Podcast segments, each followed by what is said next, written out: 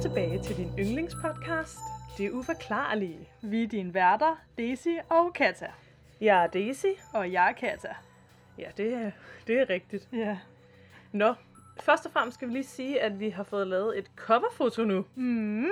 Og faktisk ham, som har været god til at lave musik, lille jingle, han kan åbenbart mere end bare det. Fordi det er simpelthen Alexander Nordahl Jensen, som også har lavet vores jingle, som har lavet vores coverfoto, som vi er med glade for. Det er anderledes, end vi havde forestillet os, vi vil have, men faktisk så nogle gange det, man øh, ikke ved, man vil have, hvad vil jeg sige, det er det, man får det godt af, eller hvad siger man? Indeed. Indeed. Det, det er i hvert fald virkelig, virkelig smukt. Det er fantastisk. Det er det nemlig. Øhm, ja, i dag er det nok den første rigtig dejlige varme dag nogensinde. Ja, det er godt nok varmt i dag. Ja. Og vi sidder indenfor i en hule, vi har bygget i mit soveværelse. Under en masse tæpper. Ja. Og kan hverken se solen eller hinanden, hvad vil jeg sige. øhm, Men til gengæld håber vi så, lyden er god. ja, nu prøver jeg lige at se her. Jeg tror altså stadigvæk, vi er i gang med at optage. Yes, det er vi. Det er smukt. Det er fordi, vi prøver noget nyt af, hvor jeg simpelthen ikke har høretelefonerne på samtidig. Så det er lidt, lidt farligt. Nå, men øhm, har du oplevet noget fedt siden sidst? Hmm, ja, hvad har jeg ikke oplevet, var jeg nær ved at sige.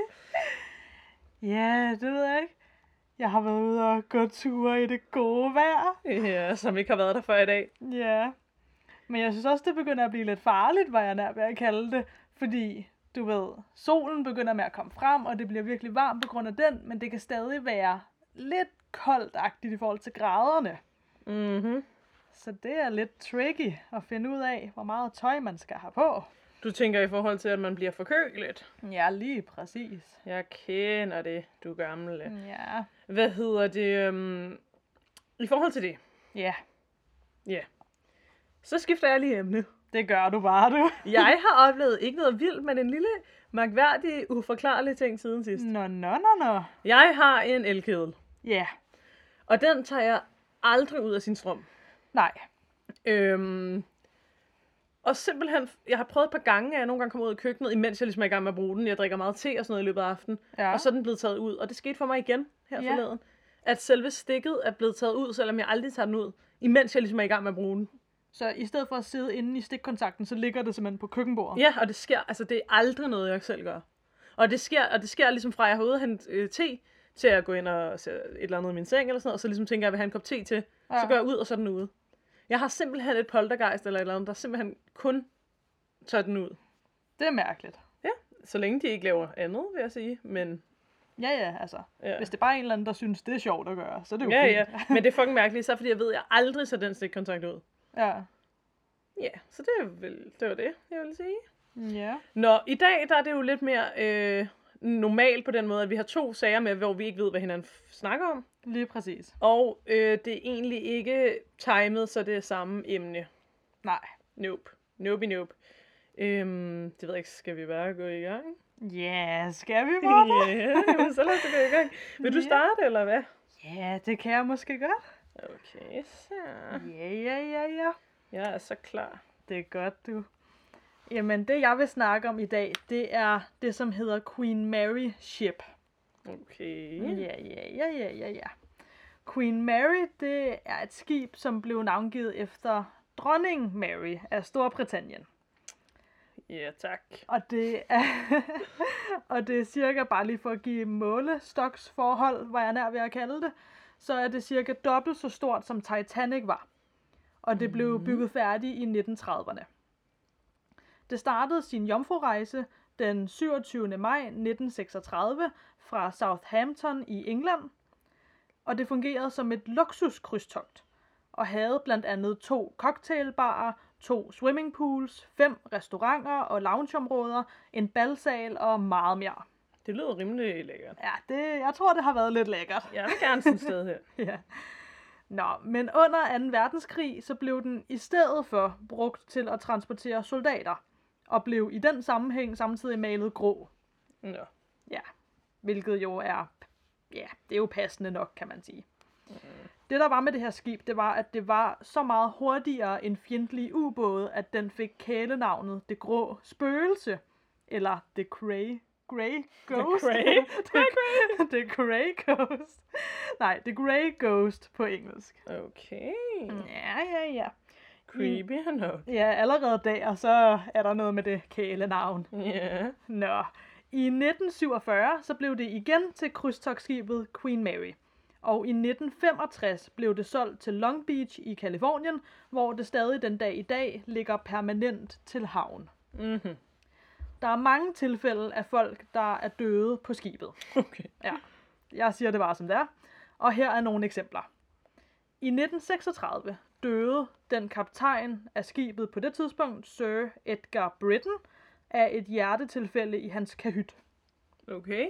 Bare et, et tilfældigt, eller tilfældigt i gåsetegn, hjertetilfælde. Det var i hvert fald et, et pludseligt og uven, uventet øh, hjertetilfælde. I 1949 drak William Stark, som var en officer på skibet, han drak ved et uheld vaskemiddel eller syre af en art, som blev opbevaret i en ginflaske i hans kahyt. Øh, Tilfælde og tilfælde, ikke? Ja, tilfælde og tilfælde. Han havde sagt til den her officer, at han havde gjort et godt stykke arbejde og fortjente en drink, så han kunne bare gå ind i kaptajnens kahyt og snuppe et glas gin. Men kaptajnen havde så lige glemt at nævne, at han altså også opbevarede vaskemiddel eller syre, eller hvad det nu præcist var, lige ved siden af. Altså, vil sige, for en, der ser rigtig meget true crime og hører rigtig meget true crime podcast, det lyder altså som en mor. Det gør det lidt, ikke? Jo, uheld, det vil jeg ikke sige, at det er. Det lyder lidt suspekt. Det gør det, Det vil ja. jeg også sige. ja, men altså, på den måde fik han jo i gåsetegn forgiftet sig selv, eller han blev i hvert fald forgiftet og døde. Mm-hmm. Ja. Den 2. oktober 1942, da skibet altså blev brugt til transportering under 2. verdenskrig, blev det på et tidspunkt ekskorteret fra, ja, det var så den 2. oktober, der blev det 1942, der blev det ekskorteret fra New York til Glasgow af et meget mindre skib, som sejlede foran. Mm-hmm. Det her lille skib, det sejlede i zigzag for at forvirre potentielle fjendtlige ubåde. Men Queen Mary-skibet fik uventet indhentet det lille skib foran sig, og endte altså med at sejle direkte ind i skibet og splittede det i halv. Okay. Ja. Nogen på skibet døde med det samme, i det de kolliderede. Andre blev fanget i kroge af skibet og sank sammen med det. Og Okay. dem, der umiddelbart overlevede ved at blive kastet i vandet, blev efterfølgende højst sandsynligt suget ind af skibets propel og dræbt oh, på nej, den måde. nej, nej, nej. Ja. Det har nok... Ja, alle de tre måder har været en forfærdelig måde at dø på. Ja. Ja. Så det, det var lidt voldsomt. Fordi at det var under 2. verdenskrig, og kaptajnen på Queen Mary skulle følge, eller det grå spøgelse på dette tidspunkt, skulle følge en vis krigsprotokol, måtte de ikke stoppe op for at hjælpe eventuelt overlevende, og de blev altså nødt til bare at sejle videre. Ja. Ja, det, Ja. Sådan er det jo nogle gange, når man er i krig, desværre. Ja, krig er en forfærdelig ting. Ja, der bliver menneske, mennesker lidt sat til siden nogle gange. Nå. Ja. I hvert fald. Det siges, at man kan høre skrigene fra besætningen på det lille skib i Queen Marys fyrrum, altså stadig den dag i dag. Mm. Og at i det hele taget forenden af skibet er et hotspot for paranormal aktivitet. Fordi det, Paranormal activity. lige præcis. Fordi at det altså specifikt var der, Queen Mary ramte ind i det her lille skib. Hvad var det igen, det lille skib var? Det var et lille skib, der ligesom guidede det derhen, hvor de skulle. Okay. Oh, Ja. ja. Det var også noget, der kom til at dræbe alle dem så. Præcis. De Ja. blev ligesom eks, øh, hvad hedder det, ekskorteret af det her lille skib. Okay, nu forstår jeg. Ja. Nå, så har der også været to kvinder, som begge har... Det her, det var så, da skibet fungerede som luksuskrydstogt. Ja. Der har der været to kvinder, som begge har druknet i første klasse poolen. Og de siges begge to stadig at hjemsøge poolområdet i dag. Ej, hvor creepy. Ja, den ene klædt i tøj fra 30'erne, og den anden klædt i tøj fra 60'erne. Okay. Der var også en lille dreng, som faldt over bord tæt på poolområdet, som nu siges at hjemsøge gangen mellem poolen og dækket. Oh, en lille dreng, altså et barn. Ja, et barn. Hmm. Ærgerligt. Ja. Det er også bare, altså, ej, det er nok en, altså, det er også en virkelig stor frygt af min. Det der med at falde over bord på et skib. Men det skulle da være dit barn for et overbord. 100 procent. Og bare være sådan, nå, der er ikke noget at gøre. Sådan. Ja, altså, Det er, jeg kan ikke helt huske, hvor meget det er, men der er altså ret mange folk på krydstogs, der falder over bord, og Ja. ikke bliver reddet, altså sådan på daglig basis. men det er jo også svært at, altså, hvad skal man gøre? Selv springe i? Eller, altså, Altså... Nej, men også bare, jeg tror, at et skib er så stort, at når det først var slukket motorerne, så er de jo langt væk. Præcis. Hvis ikke de, ligesom nogle af de andre der, hvis ikke de når at blive suget ind af noget pro- propel eller noget. Ej, det er forfærdeligt. Ja, virkelig. Nå, ja. Eller hvis der lige er nogle hajer, eller ej, jeg kan slet ikke have det. Nu er der jo ikke hajer overalt. Nej, nej, men det er bare fordi, det er det, jeg er lidt er bange for. Ja. Nå. Ja. Desuden Det, så... ej, undskyld, Ja. ja. men hajer angriber heller ikke nødvendigvis alt, der er nede i vandet. Nej, nej, nej, nej, det, det ved jeg godt. Det har vi, det har vi faktisk også snakket om Ja. før, det der med hajer. Nå, videre, ja, undskyld. Ja, ja, for hajer er jo ikke onde, jo. Nej, nej, de er Øhm. bare rovdyr. Ja, præcis. Nå. Desuden så siges det, at en lille pige ved navn Jackie også hjemsøger poolområderne. Hvordan hun er begyndt at hjemsøge det, det, det siges ikke umiddelbart. Under 2. verdenskrig, så samlede de på et tidspunkt nogle australske soldater op, som åbenbart ikke kunne lide kokkens mad. Så de proppede simpelthen den her kok ind i en ovn og tændte for den, så han brændte ihjel. Wow. Og det er en I- sand historie? Efter sigende skulle den være sand. Jeg synes, det lyder lidt vildt. Wow, det er en syg historie. Men det skulle efter sigende være sandt, Fordi de ikke kunne lide hans mad. fordi de simpelthen ikke kunne lide hans mad. Så har man altså også nogle øh, aggressionsproblemer, vil jeg umiddelbart sige. Jamen på den anden side, jeg hader sgu også, når jeg får serveret lort for mig. Så. Ja, det er måske at overreagere en lille smule. ja, måske lidt. Ja. Flere de siger, at man stadig kan høre den her koks skrig, når man er tæt på køkkenet. Så det er lidt creepy. Ja. Ja. Apropos forfærdelige måder at dø på. ja, det vil jeg gerne undgå. Ja. Nå. I 1966 under en vandøvelse blev et 18-årigt besætningsmedlem knust af dør nummer 13. Åh oh, nej. Ja, en dør, som lukker i automatisk. Hans spøgelse kan indimellem ses i hvide overalls. Ja. Ja. Men der er efter sigende hotspots overalt på skibet, og der hænger lister med navne på passagerer og folk, som der er døde på skibet, hvornår de døde og hvordan de døde. Mm-hmm. Det i sig selv, det kan selvfølgelig godt være i forhold til ligesom at ære deres minder selvfølgelig.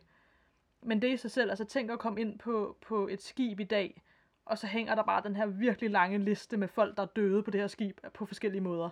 Jeg vil nok gå den anden vej igen. Ja, Med mindre nogen betaler mit ophold. ja, Jeg vil overveje at blive der. ja, så hvis man får gratis ting, så... ja, ej, det er selvfølgelig det er forfærdeligt jo, hvordan alle de her er døde. på Forfærdeligt. de ja. her måder, ikke? Men ja. Øh, I dag, der fungerer skibet som et hotel, fordi det ligger jo også permanent til havn lige nu. Mm-hmm. Og man kan blandt andet komme på guidede ture om natten for at høre om alle de paranormale aktiviteter, der foregår på skibet og historierne bag. Men der er et specifikt hotelværelse, som er det mest hjemsøgte værelse på hele skibet. Der er endda folk, som arbejder på skibet eller hotellet i dag, som bevidst aldrig går ind på det her værelse, fordi det efter sine er så hjemsøgt. Hmm. Værelset hedder B340. Ja. Ja.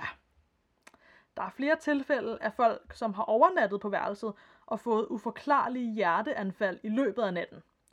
Folk siger, at de hører stemmer derindefra, en badeværelsesdør, som åbner og lukker af sig selv, lys, der tænder af sig selv, og vandhanen ude fra badeværelset, som tænder af sig selv. Man kan også i nogle tilfælde høre banken fra forskellige vægge og fra døren af midt om natten, selvom der, hvis man så åbner den, ikke er nogen. Det mest mærkelige, synes jeg dog, umiddelbart er i den kategori af folk, som har hørt nogen banke under dem, altså fra gulvet af. Ej, det er klamt. Ja, især fordi det skal siges, at B340 ligger i bunden af skibet.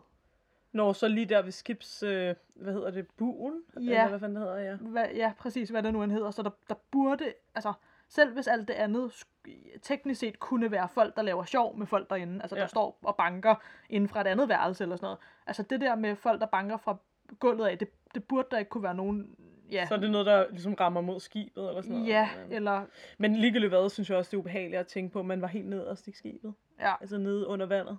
ja, det i sig selv kan være lidt uhyggeligt. Ja, fuck. ja. Men vi kan jo heller ikke lide vand. Nej, nej, præcis. Nå. Folk har også oplevet, at deres seng blev rystet midt om natten. Mm. Følelsen af en person, som prikker til dem, mens de prøver at sove. Ej. Ja, en dyne, som bliver trukket ned på gulvet, og en mørk figur, som står for enden af sengen og kigger på dem. Det er klammer. Ja, det er det nemlig. Ja. På grund af alt det her, det er så også meget interessant, på grund af alt det her, så blev værelset lukket ned i 30 år. I 30 år kunne man ikke få lov til at booke øh, det værelse til sit hotelophold. Okay. Resten af hotellet, resten af værelserne var stadig i, i gang, men det ene værelse lukkede de ned, fordi at Altså, altså, det var primært på grund af de her folk, der havde fået uforklarlige hjerteanfald, fordi der var flere Ja. tilfælde af det. Man kunne også sige, at vide, om det var noget med trykket derinde, eller what. Jeg ved ikke, om man, der Ja. overhovedet kan være noget, der påvirker, men jeg tænker, hvis det er nede under vandet, og Ja. der er jeg simpelthen ikke akademisk klog nok til at udtale mig Nej, om det. jeg, det har jeg heller ikke forstand på, men, nej. til at, kunne, til at kunne sige noget om. Det er i hvert fald mærkeligt. Ja. Men det, der så skete i 2018, det var, at de åbnede op for værelset igen. Spændende. Ja, og nu er det et af skibets dyre, dyreste værelser at booke. Men det er jo helt nede under vandet. Jeg tror, det er på grund af historien. Altså, jeg tror, der er mange folk, der så netop synes, det er sjovt at booke det Ja, på grund af, af, af det her. der skulle jeg måske helst ikke bo. Ja. Nå. Det der så også er, altså man kan sige, at det her hotel, de dyrker det så også en lille smule. Ja, ja. Fordi at på badeværelset, der har de simpelthen skrevet på væggen reglerne til ritualet Bloody Mary. Det ved jeg ikke, om du kender den. Nej, ikke rigtigt. Nej, det er en af de her mange sådan overnaturlige lege. Lidt ligesom gåsetegn. glassen. Præcis. Ja. Det, det er simpelthen sådan et ritual, man kan lave. Øh, ja, og det er nemlig ligesom ånden i glasset, og øh, et Ouija-board er nok også et af de mest kendte, som de Ja. fleste kender eller har hørt om.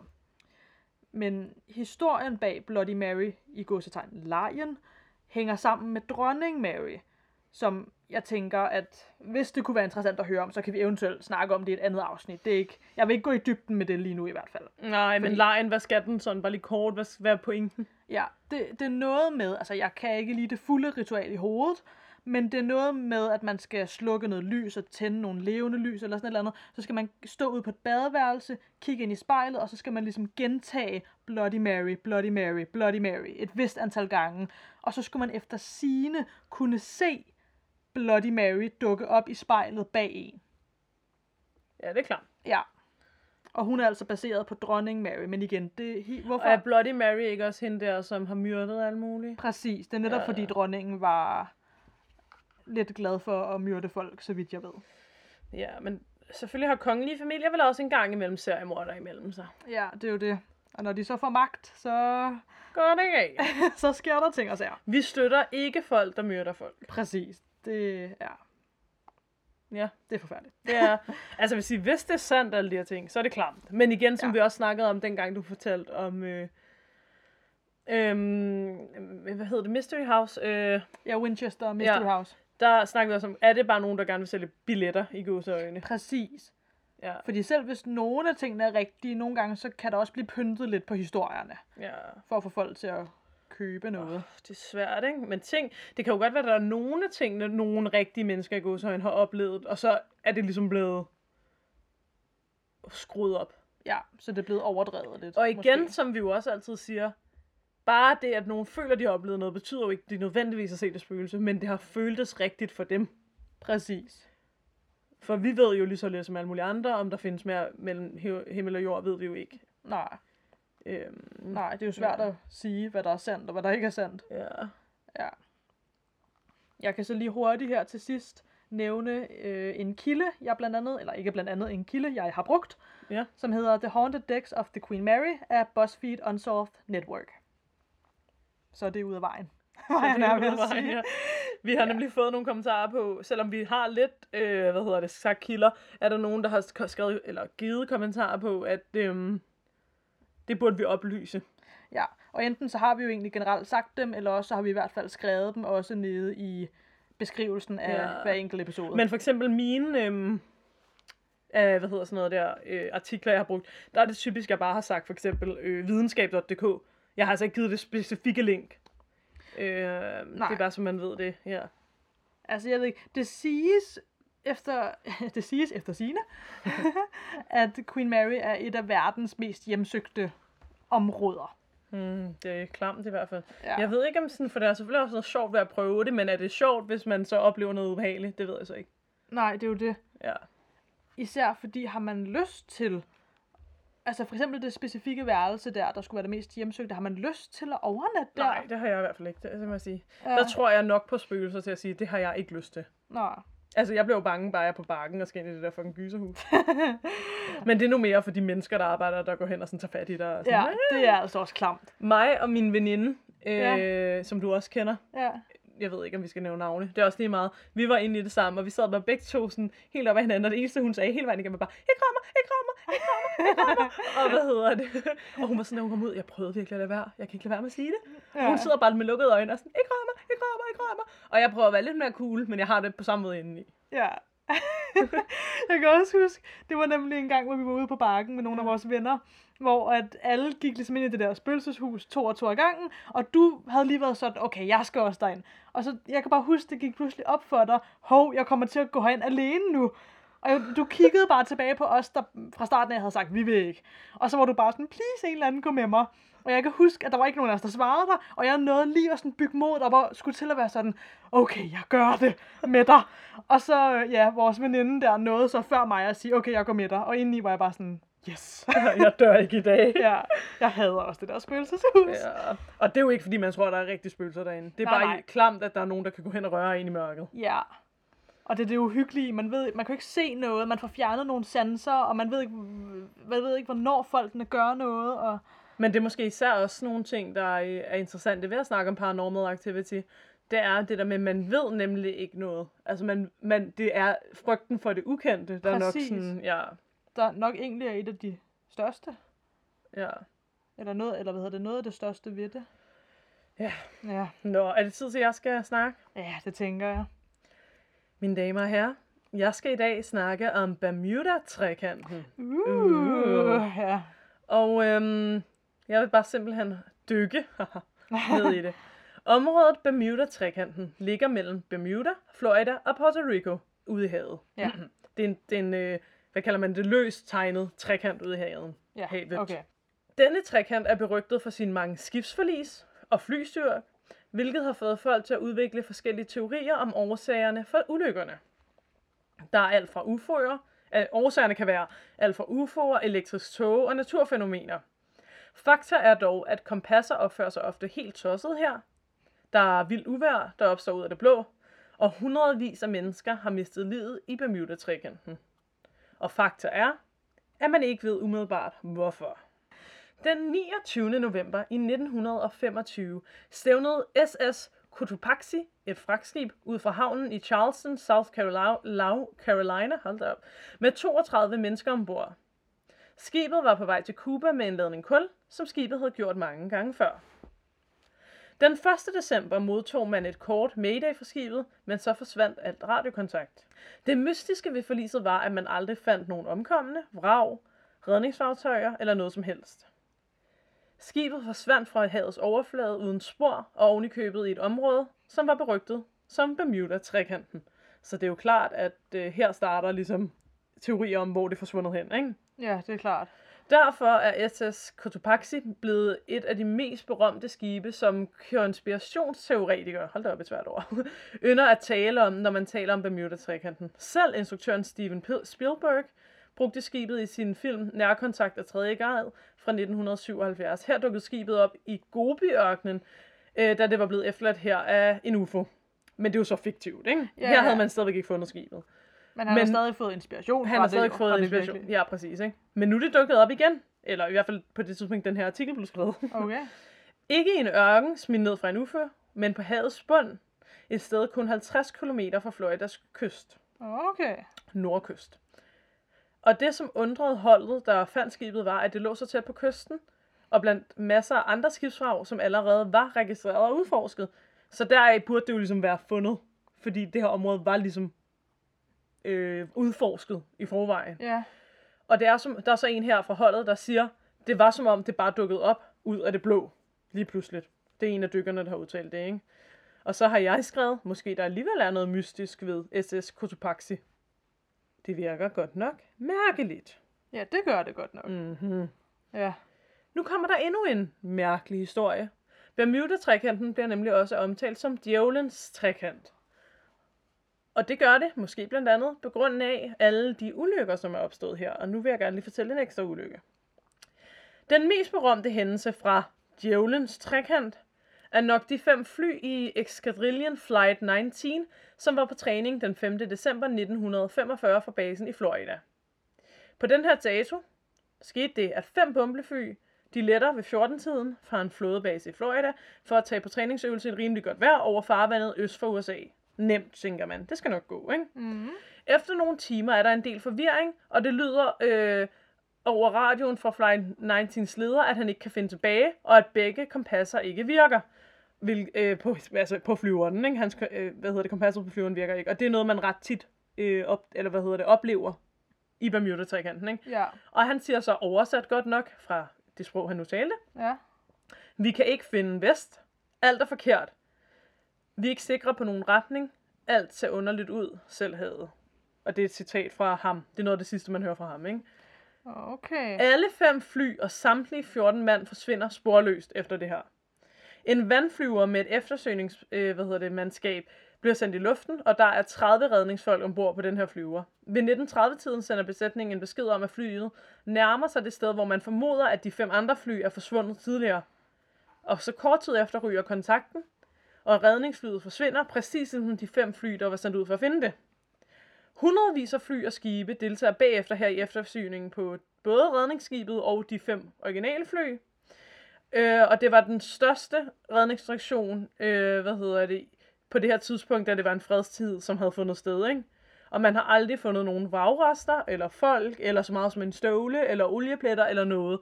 De her seks fly, så vidt jeg lige hurtigt kan regne ud, er bare forsvundet. Okay. Fuldstændig. Og øh, der er sket, altså det er jo bare lige to sager, ikke? Der Ja, er ja. sket helt tilbage fra tidernes morgen, altså gamle fragtskibe og sådan noget, de er bare forsvundet. Ja. Og der er jo nogen, der mener, at grunden til, at der sker flere ulykker i Bermuda-trekanten, er, at der er rigtig, rigtig meget flytrafik her. Og skibstrafik, fordi det ligesom er et område, hvor alting kører igennem, og mange krydstogsskibe og sådan noget, ikke? Men der er også nogle andre teorier, jeg vil læse op nu. Der er øh, blandt andet noget, en teori om noget, der hedder magnetfelter, som skulle være omkring Bermuda-trekanten, som skulle være usædvanlige og få maskiner og kompasser til at svigte. Det er ligesom en af de mere sådan nede på jorden øh, teorier, ikke? Mm. Så er der kæmpe lommer af metangas, som bliver frigivet fra havbunden og forhindrer skibe i at flyde og fly til at holde sig i luften. Altså sådan så, at altså, skib bare synker og fly bare falder ned.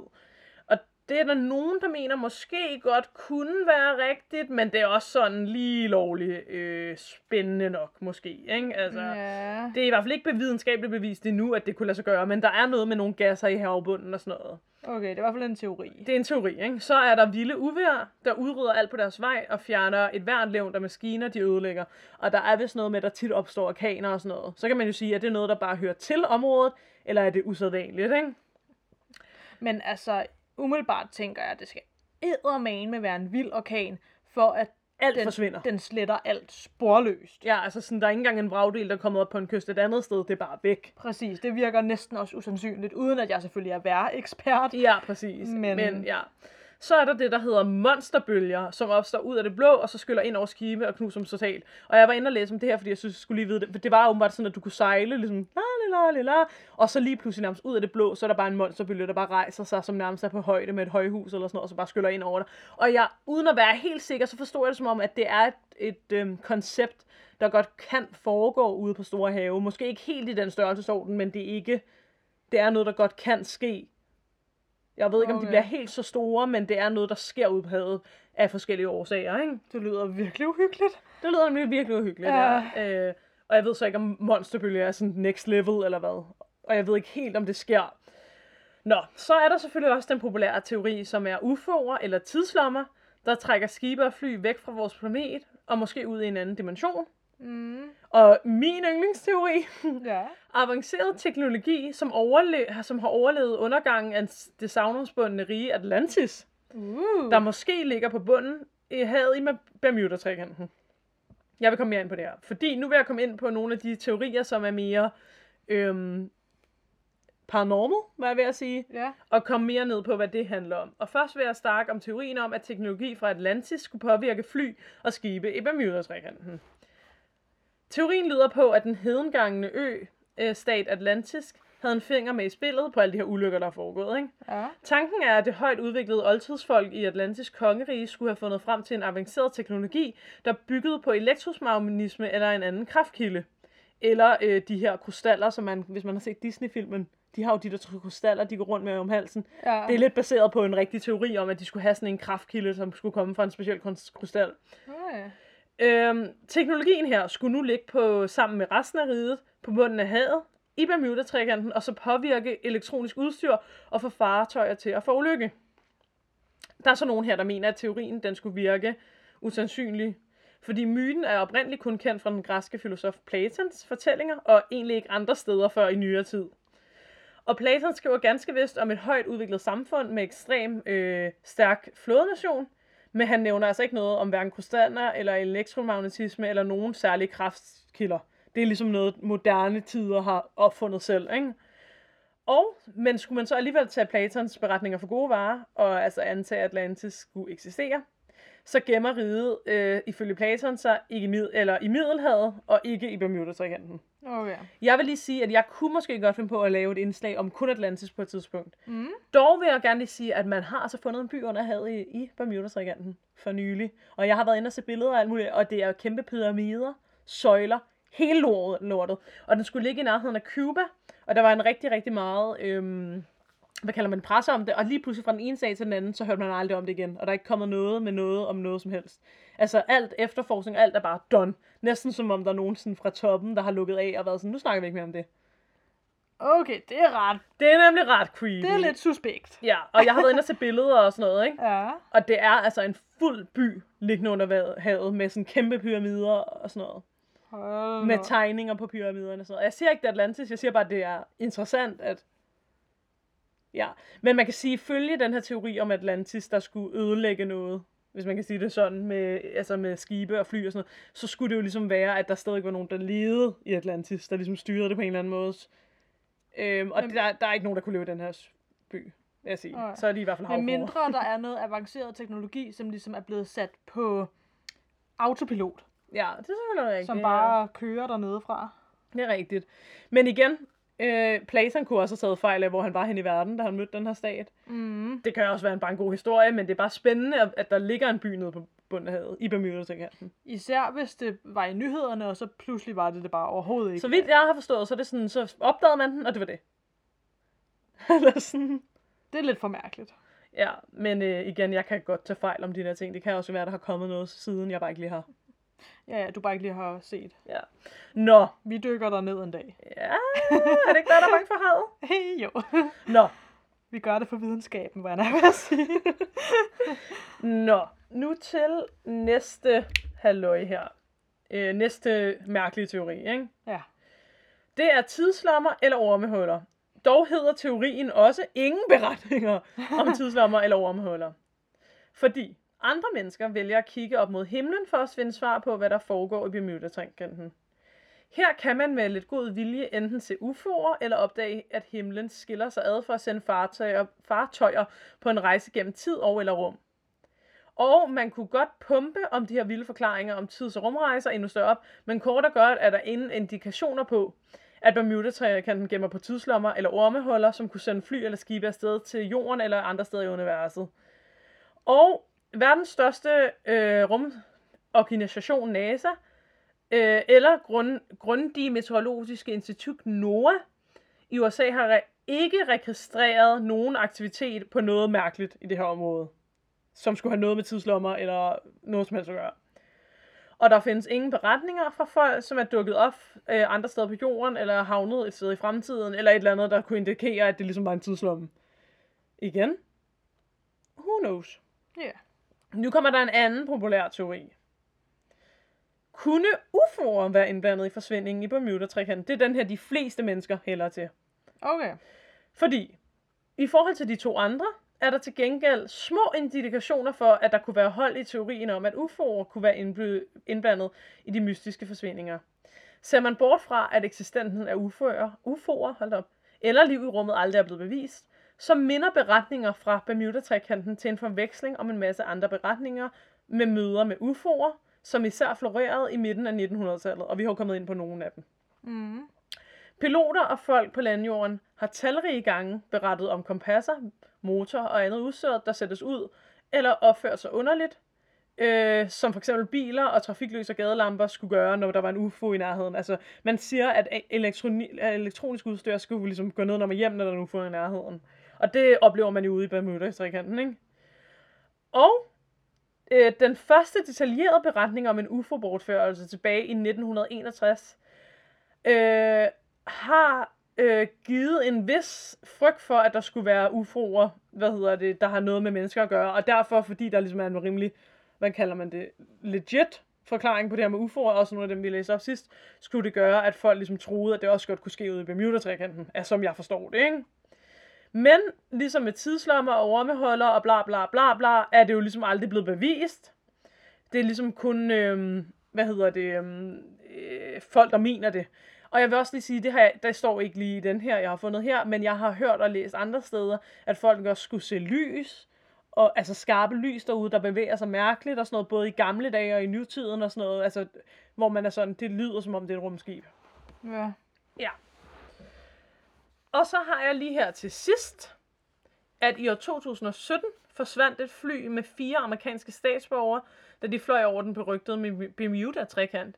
Det er ufø, uvist, hold op, hvad der sker med flyet, hvad der er sket med flyet, men torsdag efter ulykken, som skete en mandag, fandt myndighederne vragdele og oliepletter på havet ud fra øhm, Bahamas. Så her fandt man altså oliepletter, ikke? Ja. I flyet var piloten Nathan Ulrich, Ulrich, 52 fra Ham, New Hampshire, og en 40-årig Jennifer Blumin fra New York, og hendes to sønner på 3 og 4. Øhm, så det er bare for at sige, at der desværre stadigvæk sker ulykker, og vi sender selvfølgelig kærlighed til alle, der har oplevet ulykker her. Og jeg har brugt videnskab, faktalink, avisen.dk, BT og Wikipedia for at fortælle om det her. Nogle spørgsmål? det er altså lidt mystisk. Ja, jeg synes selvfølgelig kunne det godt være noget med det her trafik, eller hvad hedder det, meget trafik her, ikke? Ja. Men der er altså andre steder på jorden, hvor der også er meget flytrafik og skibstrafik, hvor der ikke sker helt lige så mange uheld. Ja. Selvfølgelig er havet jo altså i sig selv et farligt sted at opholde sig. Det er klart. Men ja. Hvad hvis det er et kæmpe havmonster, det har jeg også der tænkt, ja. springer op af havet og spiser både fly og skib? Jeg har også tænkt på, om det er sådan noget Kraken eller sådan noget. Ja. Ja. Ja.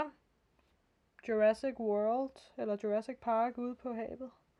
Ja, jeg ved det ikke. Jeg synes, den der idé om, det skulle være Atlantis, er meget fed. Jeg ja. kan bare generelt godt lide myten om Atlantis, men... Øh... Men hvad nu, hvis Atlantis findes, ikke? Mm. Og den by, der blev fundet, fordi du siger, at der kunne nok ikke have levet nogen der. I hvert fald mennesker. Ja. Der, eller ja. Hvad nu, hvis det var sådan en... Øhm, hvad hedder sådan noget? Det var bare en falsk by for ligesom at narre os mennesker Ja. Og så deres rigtige by, hvor de faktisk lever, hvem de nu end er. Den er et andet sted. Wow. Det er next level. Ja. Eller lidt ligesom igen, hvis man har set Disney-filmen, der har de jo ligesom også nogle, hvad kalder man det, søjler og sådan noget, ligesom på vej ind ja. til deres rige, giver det mening? Ja. Jeg tror dog ikke, at der lige ligger nogen i en vandlumme nede under jorden, vel? Men never say never. Ja, man kan aldrig vide. Det er i hvert fald interessant. Ligegyldigt hvad, er der noget creepy ved Bermuda-trikanten. Og hvis man går på internettet, jeg, jeg kan ikke beskrive, hvor mange ting, jeg har siddet og set. Altså, der er så mange YouTube-videoer, der er så mange podcasts, der er så meget, altså, alt muligt, der handler om det her, som sikkert kan komme meget mere ned i detaljen, end jeg lige har gjort om, hvordan alle de der forskellige øhm, teorier er. Ja. Hvis man vil have detaljeret om for eksempel tidslommerne, eller monsterbølgerne, eller ormehullerne eller UFO'erne eller sådan noget, så kan man søge på det på internettet og få mere at vide om hver enkelt ting. Jeg prøvede ligesom bare at gøre det lidt overfladisk, ikke? Mm. Men også det der med UFO'erne. Altså nu snakkede vi jo om det i sidste uge. Ja. Og lad os gå ud fra, at det er rigtigt i forhold til, at folk overalt i verden bliver nogle gange bortført af rumvæsener, og der bliver eksperimenteret på dem, og så videre, og så videre. Mm-hmm. Hvis det er sandt, så giver det her jo ikke nogen mening i forhold til, hvad der så specielt vil i det område, hvis det alligevel i forvejen sker overalt på jorden. Det kan være, der det er der, de kommer ned, hvis du forstår, hvad jeg mener. Og det er det, der gør, der sker alt muligt elektrisk udstyr. Det kan jo være, at de ikke har noget med at gøre med uheldene. Det kan jo være, at de bare forstyrrer vores elektriske udstyr. Forstår du, hvad ja, jeg mener? det kan selvfølgelig godt være, hvis det er der, de faktisk kan sådan få adgang. Ja, hvem ved, altså. Ja. Men ja, der er i hvert fald den teori med UFO'er og rumvæsener, der er mest populær. Men jeg hælder nok mere til sådan noget med en monster nede i vandet, ja. der bor i Bermuda-trikanten eller sådan Eller, uh, tænk hvis det var sådan noget Atlantis, noget der havde et monster, en art, der beskyttede indgangen til Atlantis, lidt ligesom uh, tegnefilmen. Uh, ja. Jeg har set den her tegnefilm for mange gange. Virkelig god tegnefilm. Ja. Det er i hvert fald creepy at tænke på. Vi får nok ikke lige svar i morgen om, hvad der foregår. Det gør vi nok ikke, nej. Men øhm, ja. Skal vi tage udenslys? Lad os det. Og så blev der stille. Okay, ugens Skal- lys. Øhm, Skal jeg starte Ja. med den ugens lys der? Ja, ja, kom med det, du Ja. gamle. Okay. Ugens lys. Ja. Lad mig se. Jeg fik simpelthen bagt en kage i den her uge. Undskyld, jeg griner. Det bare fordi Katja, hun er nok den person i verden, jeg kender, som mindst laver mad.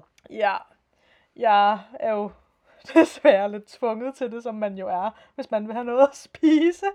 Men jeg er nok ikke den allerbedste kok i køkkenet, hvad er der ved at sige. Nej, det vil være sådan at sige. Og lad da være.